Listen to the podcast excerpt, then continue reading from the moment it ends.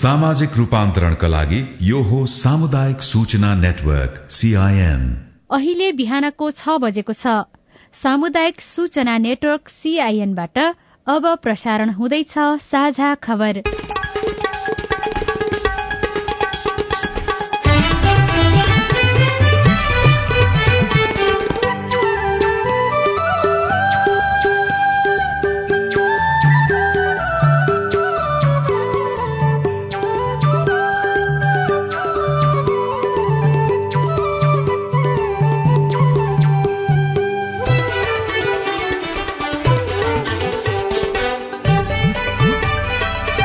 शुभ प्रभात यो सीआईएन को साझा खबर हो। सजना तिमल सिन्हासँगै लील प्रकाश चन्दको तपाईँलाई स्वागत छ। सामुदायिक रेडियोबाट देशैभरि एकैसाथ प्रसारण भइरहेको साझा खबर सीआईएन खबर डट कम र मोबाइल एप सीआईएनबाट पनि सुन्न सकिन्छ। आज दुई हजार उनासी साल मंगिर अठार गते आइतबार डिसेम्बर चार तारीक सन् दुई हजार बाइस नेपाल सम्बत एघार सय त्रिचालिस मार्ग शुक्ल पक्षको एकादशी तिथि। साझा खबरमा प्रमुख खबरका शीर्षकहरू। प्रतिनिधि सभामा बाह्र दलको प्रवेश। सात पार्टीलाई राष्ट्रिय पार्टीको मान्यता। आज बेलुकासम्ममा अन्तिम मत परिणाम सार्वजनिक गर्ने आयोगको तयारी। सरकारको नेतृत्वको विषय सत्ता गठबन्धनको लागि सकस। एमालेसँग सहकार्य खुल्ला गर्ने माओवादी केन्द्रको निर्णय। मुख्यमन्त्रीका आकांक्षीहरूको दौड़धुप काठमाण्डुमा आधा दर्जन स्टील उद्योग बन्द। पचास हजार मेट्रिक टन मल आयात गरिँदै स्वास्थ्य पर्यटनका लागि भरपर्दो पूर्वाधार बनाउन सरोकारवालाको सुझाव।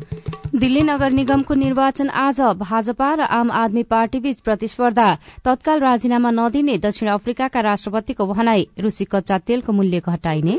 र तेस्रो नेत्रहीन टी ट्वेन्टी विश्वकप खेल्न नेपाली टोली आज भारत जाँदै अर्जेन्टिना अनि नेदरल्याण्ड्स विश्वकप फुटबलको क्वार्टर फाइनलमा आज फ्रान्स र पोल्याण्ड अनि इंग्ल्याण्ड र सेनेगल खेल्ने।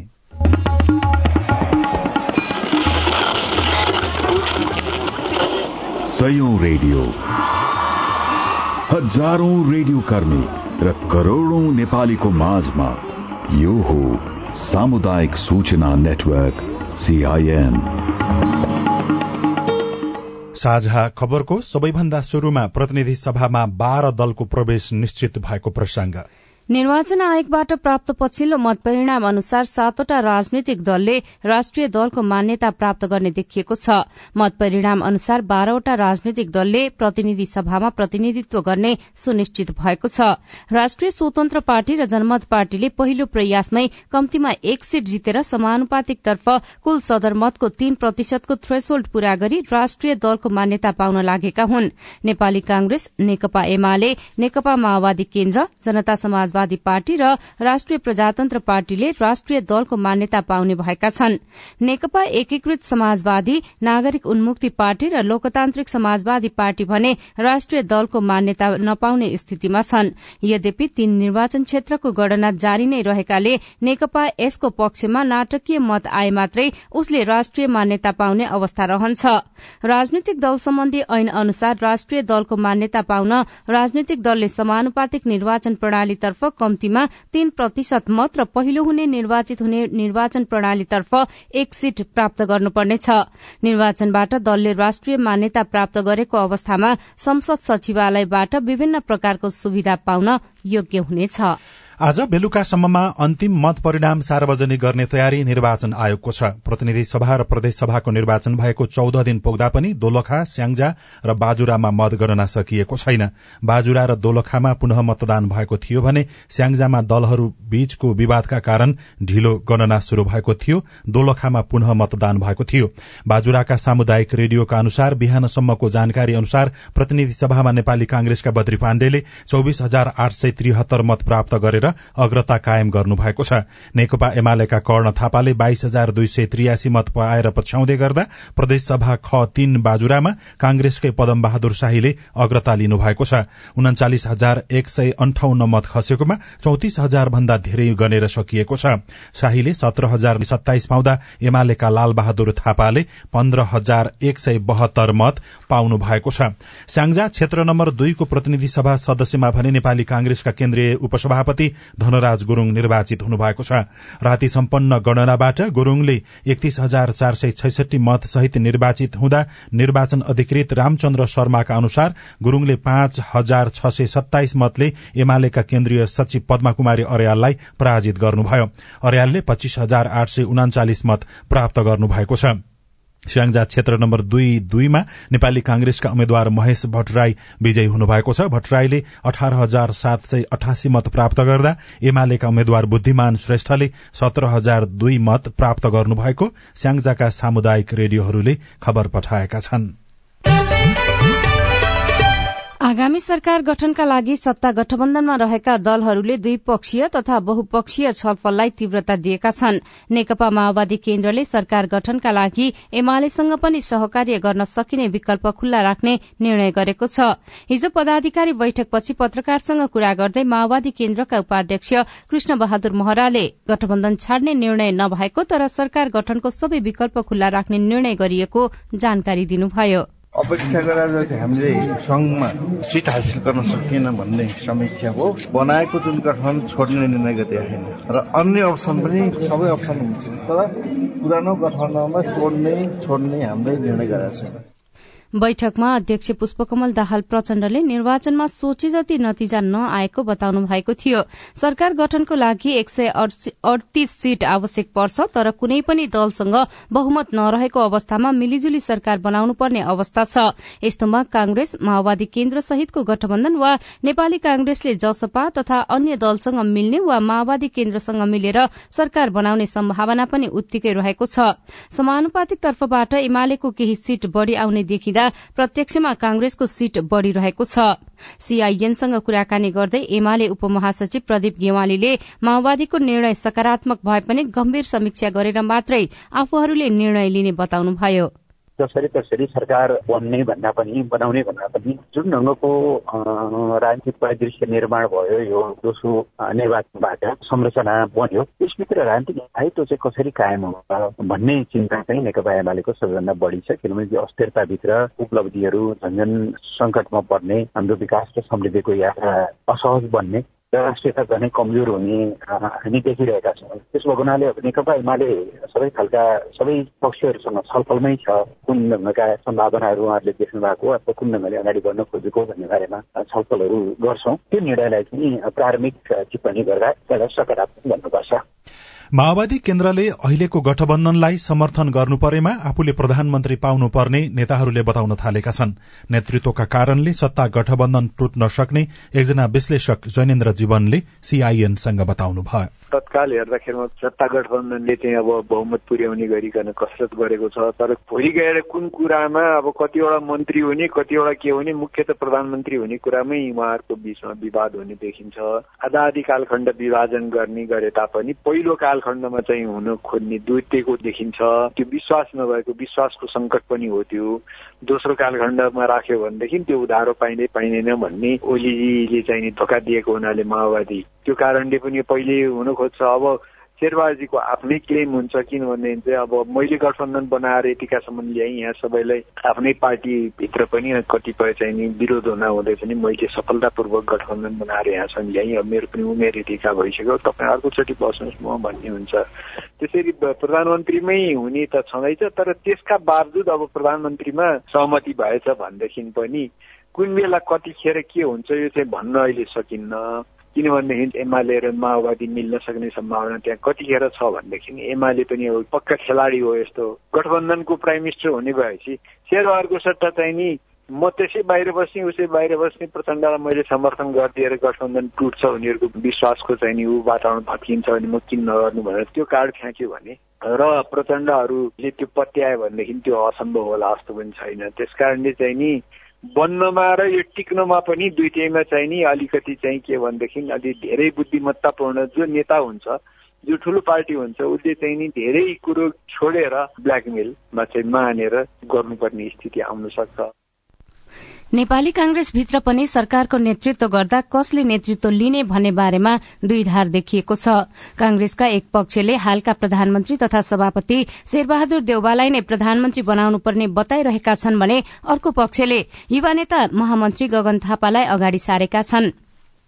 कांग्रेसका अर्का महामन्त्री विश्वप्रकाश शर्माले कांग्रेसकै नेतृत्वमा सरकार बन्ने बताउनु भएको छ।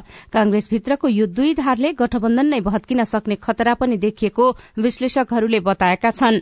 यसैबीच प्रत्यक्षतर्फ सत्र सीटमा जीत हासिल गर्दै गण्डकी प्रदेशमा सबैभन्दा ठूलो पार्टी बनेको नेपाली कांग्रेसभित्र संसदीय दलको नेता बन्न नेताहरू बीच दौड़धूप शुरू भएको छ। बिन्दु कुमार थापा र सुरेन्द्र पाण्डे प्रबल दावेदारका रूपमा अघि सर्नु भएको छ।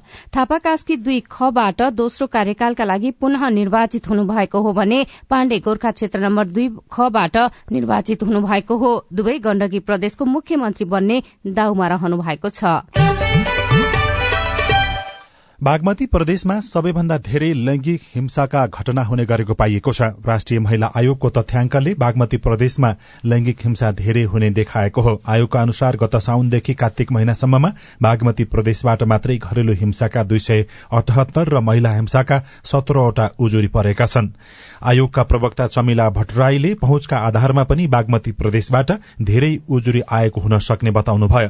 कुनै प्रकारको महिला वा घरेलु हिंसामा परे आयोगको पैसा नलाग्ने फोन नम्बर एघार पैंतालिसमा उजुरी दिन सकिने पनि प्रवक्ता भट्टराईको भनाइ छ।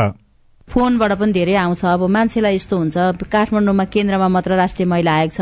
उहाँ बाहिरदेखि आउन उहाँहरूलाई खर्चिलो छ झन्झटिलो छ घरबाट निस्केर हिँड्नु भने फेरि त यो घरमा आउलिस भनेर अर्को थ्रिटेन हुन्छ है। बरु त्यहीँबाट फोन गरौँ भने त यो एघार पैँतालिसमा फोन गर्दा पैसा पनि लाग्दैन। यो फ्री कल हटलाइन सेवा हो।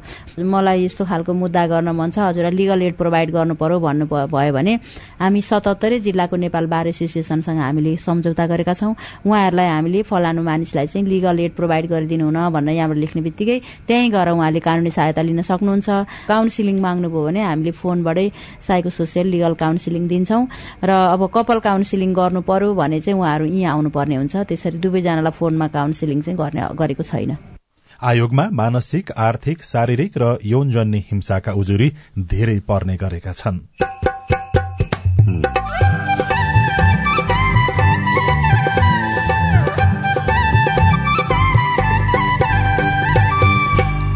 सामुदायिक सूचना नेटवर्क सीआईएन मार्फत देशभरि प्रसारण भइरहेको साझा खबरमा उपचार सेवाको माध्यमबाट पर्यटक बढ़ाउन सकिने। उपचार मात्रै हुँदैन नि त आएको बेलामा लुम्बिनी जान्छु भन्लान् माउन्ट एभरेस्ट जान्छु भन्लान् मन्दिरहरू जाने होला नि। सरकारले एउटा अवधारणा बनाएर काम गर्यो भनेदेखि पर्यटनको लागि थलो बन्न सक्छ। आधा दर्जन स्टील उद्योग बन्द पचास हजार मेट्रिक टन मल आयात गरिँदै लगायतका खबर बाँकी नै छन्। सीआईएनको साझा खबर सुन्दै गर्नुहोला। बीएससी फरेस्टीमा भर्ना फारम भर्ने म्याद बढ़ाइएको सूचना। देशको एकमात्र प्राविधिक कृषि तथा वन विज्ञान विश्वविद्यालय वन विज्ञान संकाय अन्तर्गत बीएससी फरेस्टीमा विद्यार्थी भर्ना फारम दुई हजार उनासी मक्सिर एघार गते राति बाह्र बजेसम्म अनलाइन खुल्ला गरिएकोमा दुई हजार उनासी पौष तीन गते राति बाह्र बजेसम्म म्याद थप गरिएको छ। प्रवेश परीक्षा दुई हजार उनासी पौष नौ गते बिहान एघार बजे शुरू हुनेछ। थप जानकारीका लागि W dot intrans dot A F U dot edu dot एनपीमा हेर्न सकिनेछ। सम्पर्क फोन नम्बर शून्य सन्ताउन्न पाँच तेइस दुई सय अडचालिस होइन के सुनेको यस्तो ध्यान दिएर दोहोरो बोलेको जस्तो नि देख्दिन। तिन दुई एक शून्य शून्य क्या? तिन दुई एक शून्य शून्य। के हो त्यो भने? बुझिन त। ल सुन एनटिसी प्रयोगकर्ताहरूले आफ्नो मोबाइल तथा ल्यान्डलाइनमा तीन दुई एक शून्य शून्य डायल गरी समाचार रेडियो कार्यक्रम खेल र अन्य विषय बारे सन्देशहरू जुनसुकै बेला निशुल्क सुन्न सक्छन्। ओहो निशुल्क? कस्तो सजिलो। समाचार सुन्न छुट्यो भनेर पिर लागेको थियो। अब त म पनि सुनिहाल्छु। कति रे? तिन दुई एक। शून्य शून्य। सामाजिक रूपान्तरणका लागि यो हो सामुदायिक सूचना नेटवर्क सीआईएन तपाई अहिले देशभरिका सामुदायिक radio CIN Khabar dot com र मोबाइल एप सीआईएनबाट एकैसाथ साझा खबर सुन्दै हुनुहुन्छ। मोबाइल एप नेपाली पात्रोबाट पनि सीआईएनको साझा खबर सुनिरहनु भएको छ। अब आज काठमाडौँबाट प्रकाशित पत्र पत्रिकाको खबर। नयाँ पत्रिका दैनिकले मुख्यमन्त्रीका आकांक्षीको काठमाडौँमा दौड़धुप शीर्षकमा खबर लेखेको छ साथै प्रदेशका अधिकांश दावेदार जीतको शुभकामना आदान प्रदान लगायतका बहाना सिर्जनामा शीर्ष नेताहरूसँग काठमाण्डुमा लबिङ गर्दै रहेका छन्। जिल्ला र निर्वाचन क्षेत्रबाटै नेताहरूसँग टेलिफोन सम्वाद गरिरहेका आकांक्षी पनि काठमाण्डु आउने तयारीमा रहेका छन्। यस्तै प्रधानमन्त्री बन्न कांग्रेसभित्र कसरत शेखर गगन सम्वाद शुरू शीर्षकमा नयाँ पत्रिका दैनिकमै अर्को खबर छ। संसदको सबैभन्दा ठूलो दल नेपाली कांग्रेसका प्रधानमन्त्रीका आकांक्षीहरूले पार्टीभित्र बहुमतका लागि सक्रियता बढ़ाएका छन्। प्रधानमन्त्री बन्न संसदीय दलको नेता चुनिनुपर्ने पहिलो अनिवार्य परीक्षाका लागि उनीहरूले अर्थपूर्ण भेटघाट र संवाद शुरू गरेका छन्। निर्वाचन प्रचारकै क्रममा भावी प्रधानमन्त्रीको एजेण्डा अघि सारेका महामन्त्री गगन थापा र अर्का दावेदार नेता शेखर कोइरालाले छलफल थाल्नु भएको छ। हिजोको बैठकमा वरिष्ठ उपाध्यक्ष नारायण काजी श्रेष्ठ उपाध्यक्ष महरा महासचिव देव गुरूङ र सचिव पम्फा भूषालले धारणा राख्नु भएको छ। यो खबर भने माओवादीमा सत्ता गठबन्धनको विकल्प खुल्ला राख्नुपर्ने बहसको हो। यस्तै ट्रायल सेन्टरको स्वार्थमा सवारी लाइसेन्सको परीक्षामा अंकभारको कार्यान्वयन रोकिएको खबर पनि नयाँ पत्रिका दैनिकले नै छापेको छ। काठमाण्डु उपत्यकाको चारवटा यातायात कार्यालयबाट आजदेखि सत्तरी अंकभारको कार्यान्वयन गर्ने तय भएको थियो। यस्तै नयाँ पत्रिकाकै अर्थ पत्रिका पृष्ठमा नेपालको अस्सी प्रतिशत ऋण विश्व बैंक र एडीबीबाट शीर्षकमा अर्को खबर छ वैदेशिक ऋण दश खर्ब पच्चीस अर्ब पुग्यो। विश्व बैंक र एडीबीको मात्रै सभा आठ खर्ब दुई पक्षतर्फ सबैभन्दा बढ़ी ऋण जापानको रहेको छ। कान्तिपुर दैनिकमा मतदाताको प्रतिनिधि बन्ने कि आफ्नै व्यापारिक घरानाको शीर्षकमा यज्ञ बन्जाडेले खबर लेख्नु भएको छ। नवनिर्वाचित संसदमा प्रत्यक्षबाटै सातजना उद्योगी व्यवसायी निर्वाचित भएका छन् भने केही व्यापारी समानुपातिकबाट संसदमा पुग्ने पर्खाइमा छन्। आर्थिक जोखिम मोलेर लगानी गर्ने रोजगारी सिर्जना गर्ने र देशलाई राजस्व तिर्ने व्यवसायीहरू संसदमा पुग्दा कानूनले अन्यथा मान्दैन तर यसअघि संसद पुगेका उद्योगी व्यवसायीले आम मतदाताको होइन निजी व्यवसायको स्वार्थका लागि काम गर्दा कानूनमा नकारात्मक असर परेका उदाहरणहरू छन्। भित्री पन्नामा अर्को खबर रहेको छ पाँच लाख सेज डेढ दशकदेखि चर्चा मात्रै भएको छ निर्माण सुस्त देखिएको छ। ज्योति श्रेष्ठले काभ्रेबाट लेख्नु भएको छ डेढ दशकदेखि चर्चामा रहेको पाँच खालमा निर्माण भइरहेको विशेष आर्थिक क्षेत्र सेजको काम पूरा हुन सकेको छैन। काम शुरू भएको एघार वर्षमा बल्ल प्रशासनिक भवन मात्रै अघि बढ़ेको छ त्यसले पनि पूर्णता पाउन सकेको छैन। आधा दर्जन स्टील उद्योग भने बन्द भएका छन् विमल खतिवड़ा लेख्नुहुन्छ माग र बजार नभएपछि डेढ दर्जन स्टील उद्योगले उत्पादन ठप्प पारेका छन्। चालू उद्योग पनि पूर्ण क्षमतामा चल्न सकेका छैनन्। दश उद्योगले उत्पादन ठप्प पारेका छन्। प्राय उद्योगको उत्पादन छ महिनादेखि बन्द रहेको व्यवसायीहरू बताउँछन्। बैंक तथा वित्तीय संस्थामा लगानी योग्य रकम अभावको प्रभाव उद्योगमा परेको पञ्चकन्या ग्रुपका निर्देशक उज्जवल श्रेष्ठले बताउनुभयो। गोर्खापत्र दैनिकमा पचास हजार मेट्रिक टन मल आयात गरिँदै शीर्षकमा लक्ष्मी सापकोटाले खबर लेख्नु भएको छ। कृषि सामग्री कम्पनी लिमिटेडले थप पचास हजार मेट्रिक टन मल आयात गर्ने तयारी गरेको छ। कम्पनीले ग्लोबल टेण्डर आह्वान गरेर बीस हजार मेट्रिक टन डीएपी र तीस हजार मेट्रिक टन युरिया गरी पचास हजार मेट्रिक टन ल्याउन लागेको हो। अबको केही दिनमै यस सम्बन्धी सम्झौता गर्न लागि कम्पनीले जनाएको छ।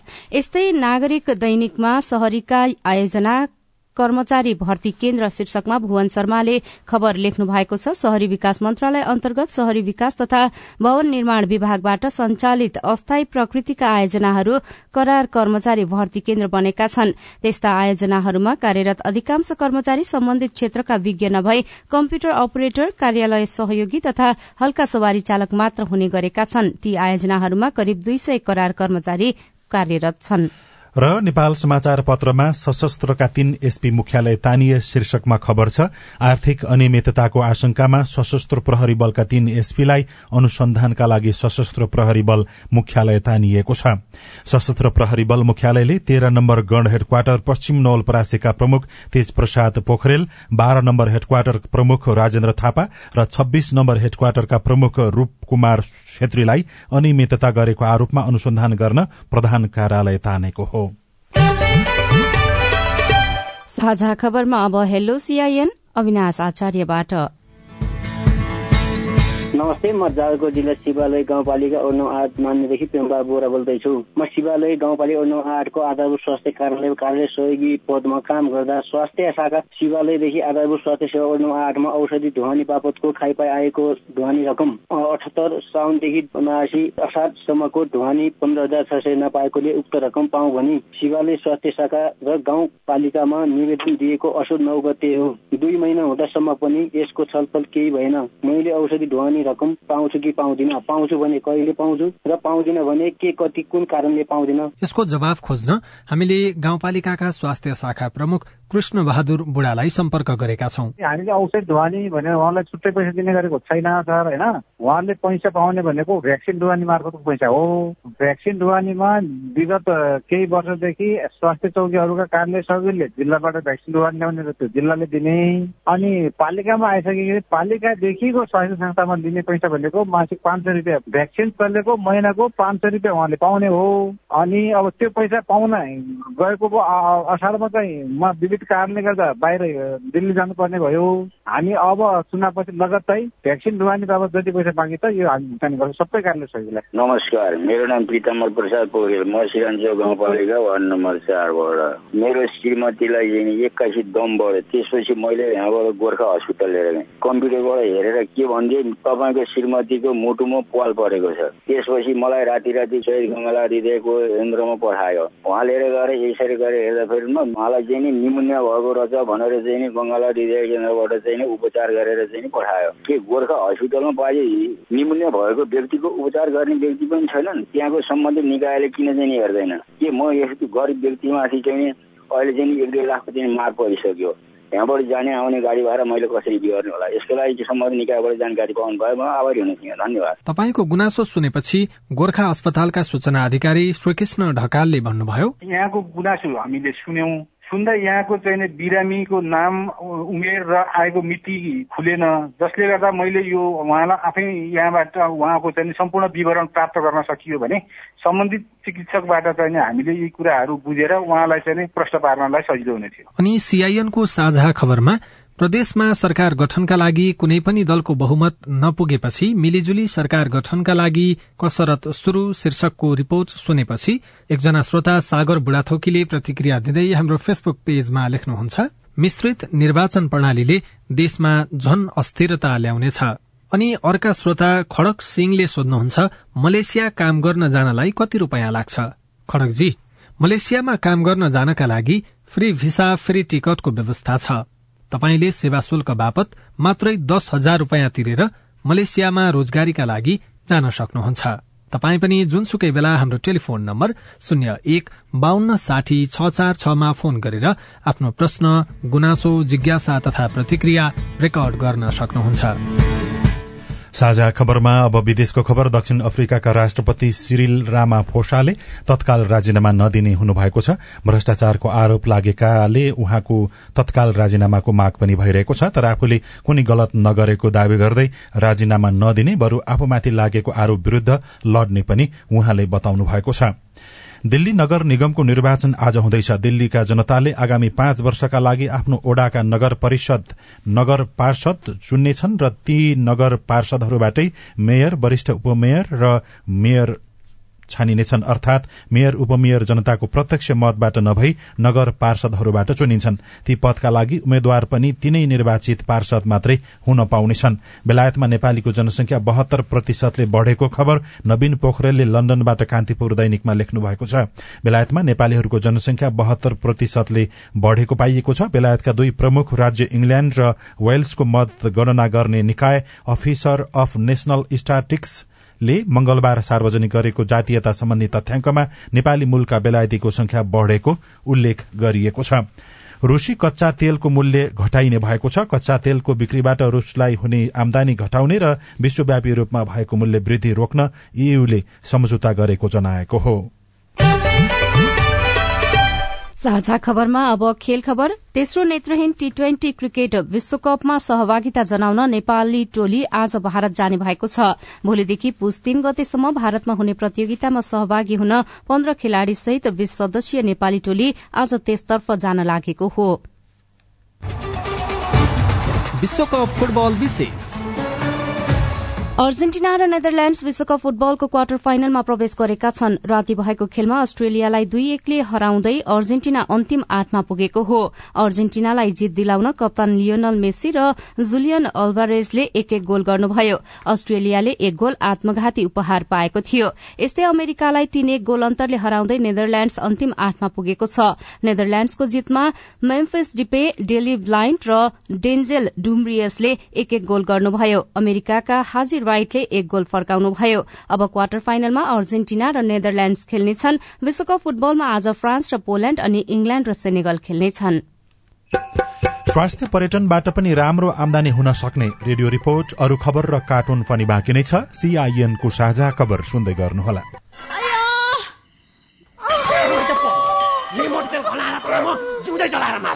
ए बुढा बुढा लाउन नि त्यो माइलाले त मार्ने भयो त माइलीलाई तेल पो खनाउँदैछ त। लाउन नि झट्टै पुलिस बोलाइदिनु त। हो त पुलिसलाई खबर नगरी भएन। यसले त अति नै गर्न लाग्यो। एक शून्य शून्य। Hello police station? लौ न तपाईँहरू झट्टै यो जिल्ला अस्पताल लिएर आइदिनु पर्यो। तपाईँहरू जस्तो असल छिमेकीलाई चाहिँ धेरै धन्यवाद है। हामीलाई बेलैमा खबर गरिदिनु भएर थप अप्रिय घटना हुन पाएन। यसरी अग्निजन्य हिंसा महिला हिंसा गर्नेलाई त कानून बमोजिम दण्ड सजाय हुन्छ। ल यसलाई लिएर हिँड्नुहोस् त। सावधान। पेट्रोल मट्टीतेल जस्ता ज्वलनशील पदार्थ लगायत तेजाब करेन्ट आदिले जलाई ज्यान मार्ने अङ्गभङ्ग गर्ने शारीरिक क्षति पुर्याउने जस्ता आपराधिक कार्य गर्नेलाई प्रचलित कानून अनुसार कडा भन्दा कडा सजाय तथा जरिवानादेखि जन्म कैदसम्म हुने व्यवस्था छ। त्यस्ता कार्य नगरौ नगराउ। अग्निजन्य हिंसा भएमा उजुरी गर्न प्रहरीको नम्बर एक शून्य शून्यमा र अन्य आवश्यक सहयोगको लागि बिबिएस नेपालको फोन नम्बर शून्य एक चौन्न पचपन्न छ आठ नौमा सम्पर्क गर्नुहोला। अग्निजन्य हिंसा विरुद्धको अभियानमा एक्सन एड नेपाल र बीभीएस नेपालद्वारा जनहितमा जारी सन्देश। सामाजिक रूपान्तरणका लागि यो हो सामुदायिक सूचना नेटवर्क सीआईएन साझा खबरमा अब उपचार अनि घुमफिरका कुरा। नेपालमा पर्यटक भित्र्याउने विभिन्न माध्यम छन्। तिनै मध्येको मेडिकल टुरिज्म अर्थात उपचार सेवाको माध्यमबाट पर्यटक बढ़ाउने विषयबारे पनि बहस शुरू भएको छ। सर्लाहीका रंगनाथ पराजुलीलाई काठमाडौँ आउन सहज छैन। अस्सी वर्षका पराजुली उपचारका लागि मात्रै काठमाडौँ आउनुहुन्छ। त्यसबेला उहाँ डाक्टरलाई भेटेपछि समय मिलाएर पशुपतिनाथको दर्शन गर्न पुग्नुहुन्छ। अब काठमाडौँ गएपछि पशुपतिको पहिलो त अब मान्ने गरी हाम्रा ठुला तीर्थ पशुपति नै हुन्। दर्शन गरिन्छ अनि खरे फर्केर आइन्छ। सधैँ जाने कुरो आएन। एक वर्ष डेढ वर्षमा छ महिनामा गइन्छ। काठमाडौँ उपत्यकाका चारवटा नाकाबाट दैनिक चालिसदेखि पैंतालिस हजार मानिस ओहोर दोहोर गर्छन्। तीमध्ये दैनिक तीनदेखि चार हजार जति उपचारका लागि आउने गरेको अनुमान रहेको छ। उपचारका लागि काठमाडौँ उपत्यकामा आउनेहरू समय निकालेर पशुपतिनाथ बसन्तपुर दरबार स्क्वायर स्वयंभू नारायणहिटी दरबार संग्रहालय बुढानील कण्ठ दक्षिणकाली लगायत ठाउँमा पुग्ने गरेका छन्। चिकित्सकीय सेवाले पनि नेपालको पर्यटन क्षेत्रमा अप्रत्यक्ष सहयोग पुगिरहेको बताउनुहुन्छ। हार्ट जोड्ने रोग विशेषज्ञ डाक्टर बद्री रिजाल। आयुर्वेदको एउटा अर्को विधा छ। त्यसको लागि पनि उपचार गर्न आउने मानिसहरू हुनुहुन्छ। त्यसलाई पनि हामीले प्रमोट गर्न सक्छौँ। देशमै भएको हस्पिटललाई विश्वासको वातावरण क्रिएट गर्न सक्ने अवस्थाहरू हुन्छ। यी सबै कुराहरूले हेल्थ टुरिज्मबाट राज्यलाई आमदानी होस् बजेट चाहिँ बाहिर नजाओस् बाहिरको देश भित्रियोस् भन्ने कुराहरू नै हो। नेपालमा उपचारका लागि बाह्य मुलुकबाट पनि नागरिकहरू आउने गर्छन्। अर्कोतिर प्रादेशिक रूपमा पनि धरान झापा विराटनगर लहान चितवन नेपालगंज धनगढ़ी लगायतका शहरमा पनि उपचारका लागि मानिसहरू पुग्ने गर्छन् जसले नेपालमा मेडिकल टुरिज्म अर्थात स्वास्थ्य पर्यटनको सम्भावना बढ़ाउँदै गएको देखिएको छ। नेपाल चिकित्सक संघका अध्यक्ष डाक्टर लोचन कार्की। दाँतकोमा आँखामा मुटुमा सौन्दर्य बनाउने चिजहरू कपाल रोप्नेदेखि लिएर कोठी निकाल्नेदेखि लिएर विभिन्न चिजहरूमा चाहिँ हाम्रो एकदमै स्कोप छ। अनि यसमा चाहिँ टुरिस्टहरूलाई हामीले ल्याउन सकिन्छ। उपचार मात्रै हुँदैन नि त। आएको बेलामा लुम्बिनी जान्छु भन्ला माउन्ट एभरेस्ट जान्छु भन्ला मन्दिरहरू जाने होला नि। सरकारले एउटा अवधारणा बनाएर काम गर्यो भनेदेखि पर्यटनको लागि थलो बन्न सक्छ। नेपालमा उपचारका लागि आउने पर्यटकलाई ध्यानमा राखेर नीतिगत रूपमै काम अघि बढ़िरहेको बताउनुहुन्छ। स्वास्थ्य तथा जनसंख्या मन्त्रालयको नीति योजना तथा अनुगमन महाशाखाका प्रमुख डाक्टर कृष्ण पौडेल। राष्ट्रिय योजना आयोगको माननीयज्यूकै नेतृत्वमा सहसचिव रहने गरी मेडिकल टुरिज्मलाई कसरी अगाडि बढाउने भनेर एउटा समिति पनि बनेको छ। त्यो बाहेक मेडिकल टुरिज्म के के क्षेत्रमा गर्न सकिन्छ फेसिलिटेट गर्ने मेडिकल भिसा नेपालमा कसरी दिने भन्ने विषयमा छलफलहरू यसलाई कसरी लान सक्छ भन्ने भएको छ। नेपालमा आँखा मृगौला लगायत रोगको उपचारका लागि भारत बंगलादेश भूटान लगायत देशका नागरिक पनि आउने गरेका छन्। नेपालको स्वास्थ्य सेवालाई थप प्रभावकारी गुणस्तरीय बनाउन सके उपचारका लागि विदेश जाने समय र रकम बचत हुन्छ भने स्वास्थ्य पर्यटनबाट पनि राम्रो आमदानी हुने सम्भावना रहेको छ। स्नेहा कर्ण सीआईएन काठमाडौँ। रिपोर्टसँगै हामी साझा खबरको अन्त्यमा आइपुगेका छौं। सामुदायिक रेडियो प्रसारक संघद्वारा संचालित सीआईएनको बिहान छ बजेको साझा खबर सक्नु अघि मुख्य मुख्य खबर फेरि एकपटक। प्रतिनिधि सभामा बाह्र दलको प्रवेश सात पार्टीलाई राष्ट्रिय पार्टीको मान्यता। आज बेलुकासम्ममा अन्तिम मत परिणाम सार्वजनिक गर्ने आयोगको तयारी। सरकारको नेतृत्वको विषय सत्ता गठबन्धनको लागि सकस। एमालेसँग सहकार्य खुला गर्ने माओवादी केन्द्रको निर्णय मुख्यमन्त्रीका आकांक्षीहरूको दौड़धूप काठमाडौँमा। आधा दर्जन स्टील उद्योग बन्द पचास हजार मेट्रिक टन मल आयात गरिँदै स्वास्थ्य पर्यटनका लागि भरपर्दो पूर्वाधार बनाउन सरकारवालाको सुझाव। दिल्ली नगर निगमको निर्वाचन आज भाजपा र आम आदमी पार्टी बीच प्रतिस्पर्धा तत्काल राजीनामा नदिने दक्षिण अफ्रिकाका राष्ट्रपतिको भनाई। र तेस्रो नेत्रहीन टी ट्वेन्टी विश्वकप खेल्न नेपाली टोली आज भारत जाँदै अस्ट्रेलिया र नेदरल्याण्ड विश्वकप फुटबलको क्वार्टर फाइनलमा आज फ्रान्स र पोल्याण्ड अनि इंग्ल्याण्ड र सेनेगल खेल्ने। साझा खबरको अन्त्यमा कार्टुन। कार्टुन हामीले यी हिमालय टाइम्समा महेश बस्ताकोटीले बनाउनु भएको चसक्क शीर्षकको कार्टुनलाई लिएका छौं। व्यङ्ग्य गर्न खोजिएको छ। संसदका लागि विभिन्न व्यक्तिहरू ठेकेदार पनि निर्वाचित भएको भनेर पत्र पत्रिकाहरूमा खबर आइराखेको छ। यहाँ एकजना व्यक्ति सड़कमा हिँडिराखेका छन्। ठूलो ठूलो भुँडी भएका छ भएका र हातमा एउटा झोला पनि बोकिराखेका छन्। दुईजना व्यक्ति सड़क छेउमा बसेर पत्रिका पढ्दैछन्। पत्रिकाको शीर्षक संसदका लागि नौजना ठेकेदार निर्वाचित छ। उनीहरू पत्रिका पढ्दा पढ्दै केही कुरा गर्दैछन्। माथि चाहिँ यस्तो लेखिएको छ उहाँ नि पक्कै सांसद हुनुपर्छ क्या? हेर्दै ठेकेदार जस्तो देखिनुहुन्छ नि। हवस् त प्राविधिक साथी सुभाष पन्तलाई धन्यवाद। अहिलेलाई लील प्रकाश चन्द र सजना तिमल सिन्हा विदा भयौं। तपाईँको आजको दिन शुभ होस्। नमस्कार। यसपछि देशभरिका सामुदायिक रेडियोबाट कार्यक्रम संवाद प्रसारण हुनेछ। सुन्ने प्रयास गर्नुहोला।